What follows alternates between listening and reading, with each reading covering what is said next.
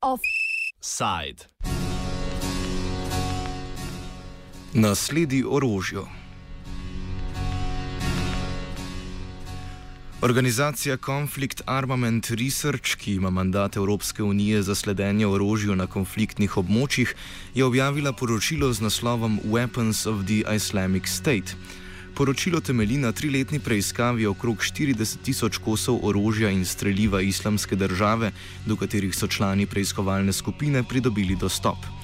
Poročilo ugotavlja, da 50 odstotkov orožja in večina municije islamske države prihaja z Kitajske in iz Rusije, ter 30 odstotkov orožja iz vzhodnoevropskih držav, predvsem Bolgarije, Romunije in Srbije.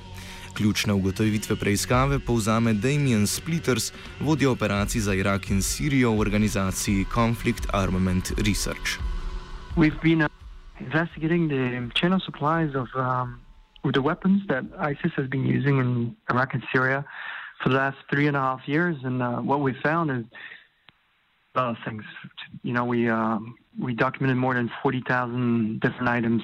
Um, the first main finding you know, a lot of the weapons that they've been using that were recovered from from Russia and China and Iran, um, and that contrary to the narrative that ha- has been perpetuated since you know June 2014, since they took Mosul, um, they are not using a lot of U.S.-made weapons. Mainly, they are using, you know, AK type of rifle, Kalashnikov type of things.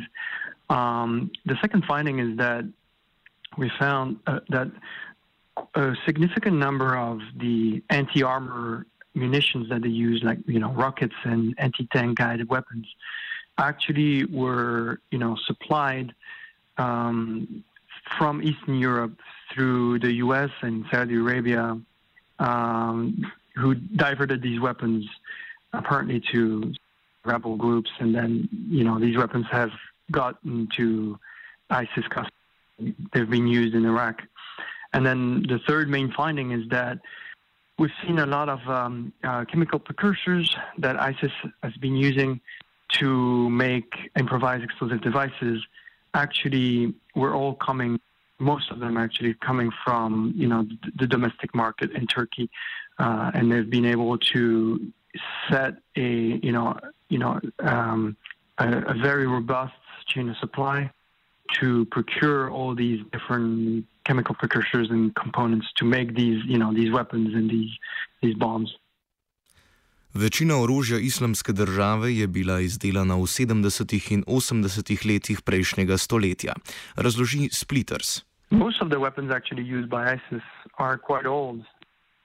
Perhaps no, you know, small arms like rifles and, and machine guns can be used for many decades, and that's why we found that most of the weapons that ISIS is using are actually old from the 60s, 70s, 80s, and uh, and that a bit of recent ones, but not that many.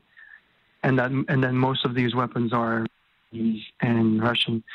What's you know more more interesting perhaps is the because the ammunition is a is a one use type of thing. So once you use it, you place it, and you have more chances to see something that's been recently. Uh, seen in the ammunition is that it, you know, it comes a lot from Iran, actually, uh, recent ammunitions, but also, as we have found, from EU member states, um, you know, from Eastern Europe. That's that was the case from what we've seen. We've seen some recent ammunition from Russia as well, and some recent ammunition from China as well. You know, from post 2013, 2013, 14, 15, and 16. Um, so, you know, I think it's important to put this in context and show that, you know, every party that has been supplying weapons to any other party in, in this region, in this conflict, um, we've seen these weapons, you know, going into the hands of ISIS eventually. Um, and I think that's important to remind uh, people of. Večina sestavin za eksplozive v nasprotju s tem prihaja iz Turčije. Yeah, it's called chemical precursors because you you know when you combine them, make explosives with them. And what we have found over the last three and a half years, all over Iraq and in some parts of Syria, is that ISIS has consistently been using chemical precursors that were purchased from the domestic market in Turkey, and that's the case for you know ammonium nitrate and, and potassium nitrates, two fertilizers that, in combination with other chemical precursors like aluminium or sugar and sorbitol, which is kind of a uh, sugar alcohol, well, you can make uh, propellant for rockets, or you can make it. Um, and so our findings is that you know working with the manufacturers and with the distributors on the on the Turkish um, uh, domestic we found that these products were purchased there uh, consistently with the same distributors and uh, around the same dates and things like that. Orožje iz vzhodnoevropskih držav v roke islamske države pade iz rok sirskih upornikov.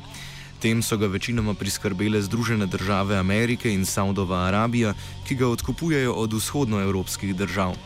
Kot v svojem poročilu iz septembra letos ugotavljata novinarja Balkan Investigative Reporting Network Ivan Angelovski in Ro Lawrence Mar Marzuk, se je dotok orožja islamski državi močno povečal septembra 2015, ko je ameriški Pentagon spremenil svojo taktiko v boju proti njej. Ko je leta 2014 islamska država prevzela velik del Sirije, je Pentagon začel izvajati tako imenovani program treniranja in oborožitve, ki naj bi vzpostavil novo vojsko sirskih upornikov za boj proti islamski državi, oboroženo z modernim ameriškim orožjem. Vendar je čez devet mesecev program propadel, saj je le nekaj rekrutov dejansko končalo na bojnem polju. Takrat je Pentagon začel oboroževati že obstoječe uporniške skupine, predvsem z orožjem iz vzhodne Evrope. Od takrat so ZDA v to orožje vložile 2,2 milijardi dolarjev. Kot ugotavlja poročilo Conflict Armament Researcha, je bila večina tega orožja narejena še v Sovjetski zvezi.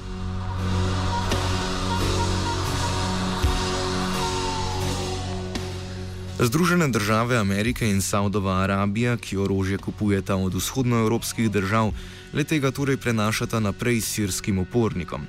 Veliko ga pristane tudi v rokah islamske države. ZDA in Saudova Arabija sicer o prenosu orožja v Sirijo ne obveščata vzhodnoevropskih držav, s katerimi imata sklenjene tako imenovane dogovore o končnem uporabniku. Glede na slednje sme orožje uporabljati zgolj država, ki je kot taka navedena v dogovorih, v tem primeru ZDA in Saudova Arabija sami. Prenos orožja upornikom je torej očitna kršitev dogovorov in zavajanje držav izvoznic, meni Splitters. We found a lot of cases uh, in which the United States and Saudi Arabia purchased weapons, mainly anti tank rockets.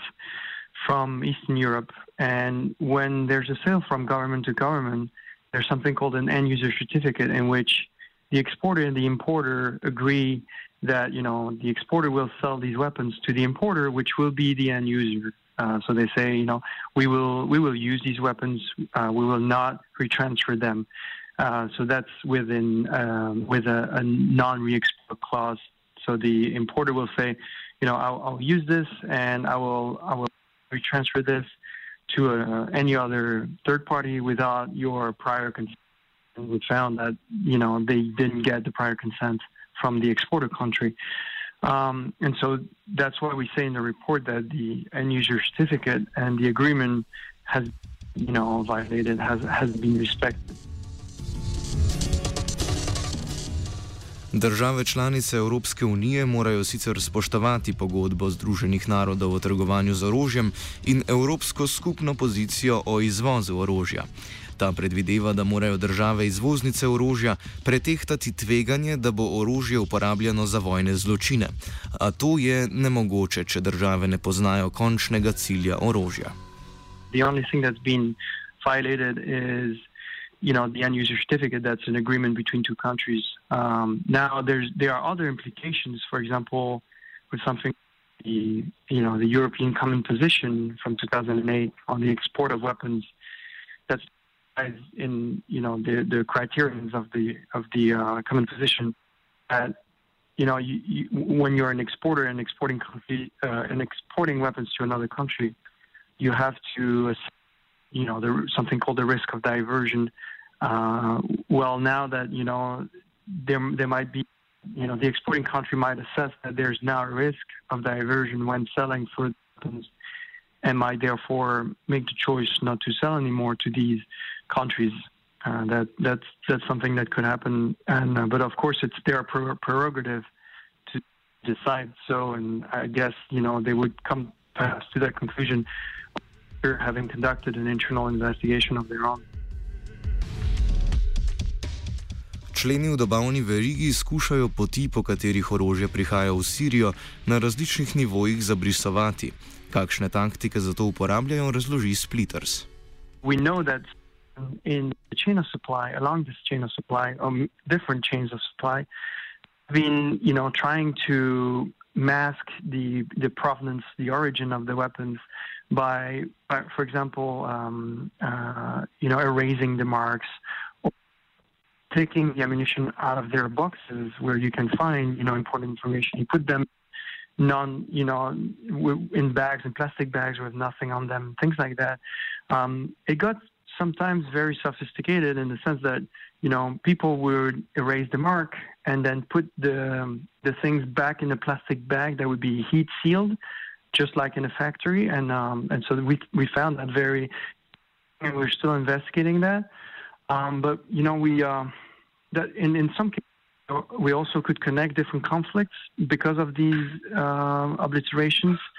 That's the example of some you know Chinese. Um, Chinese rifles that had been that their with, with their markings erased in such a way that we had already seen in and so we could make the connection between the two areas just by looking at the way the markings had been erased. Sledenje izbrisom sledi izvora orožja je preiskovalce pripeljalo do povezav med sicer nepovezanimi konflikti, celo med spopadi nekaterih afriških držav in držav Bližnjega vzhoda. We have found ammunition that we uh, had uh, recovered from ISIS uh, that were supposed to go actually to Somalia, for example, uh, or that we have found also in Sudan, that we have found in South Sudan uh, with lot numbers that are connected to Libya. Um, that's another example, and um, and so that's that's what you know we can say that all these conflicts are, could be connected in their chains of supply. We found some types of rockets that are you know serial number that are oh, so, sorry dot numbers that are connected to other rockets that we found in Yemen, and so that that way you know we show that conflicts are connected and that you know weapons move they, you know, they don't know any borders. Poročilo sklene, da je mednarodna dostava orožja skupinam udeleženim v vojni v Siriji omogočila bistveno širši dostop do orožja islamski državi. Današnji offside zaključi Splitters. Well, for a large part, uh, we think it's um, something called battlefield capture, in which you know ISIS will defeat another group and take their weapons. Um, just like it happened in, in, in, Iraq with the, you know, at the beginning with the Iraqi army, they did the same with some rebel groups that were actually receiving weapons uh, from third parties. And so ISIS has been, you know, using those weapons. And they, they did the same with the Syrian regime. Um, and that's why we think they also depends on, you know, recent Russian weapons and, and ammunition and recent Iranian ammunition. Um, now, when it comes to the chemical precursors, different because this you need to be a company or an individual that would purchase this. Uh, and so we think that they worked with intermediaries um, able to purchase these, you know, chemical precursors on the on the Turkish uh, territory and then move them back to Syria and then to Iraq and use them there. Offside je pripravila Zala.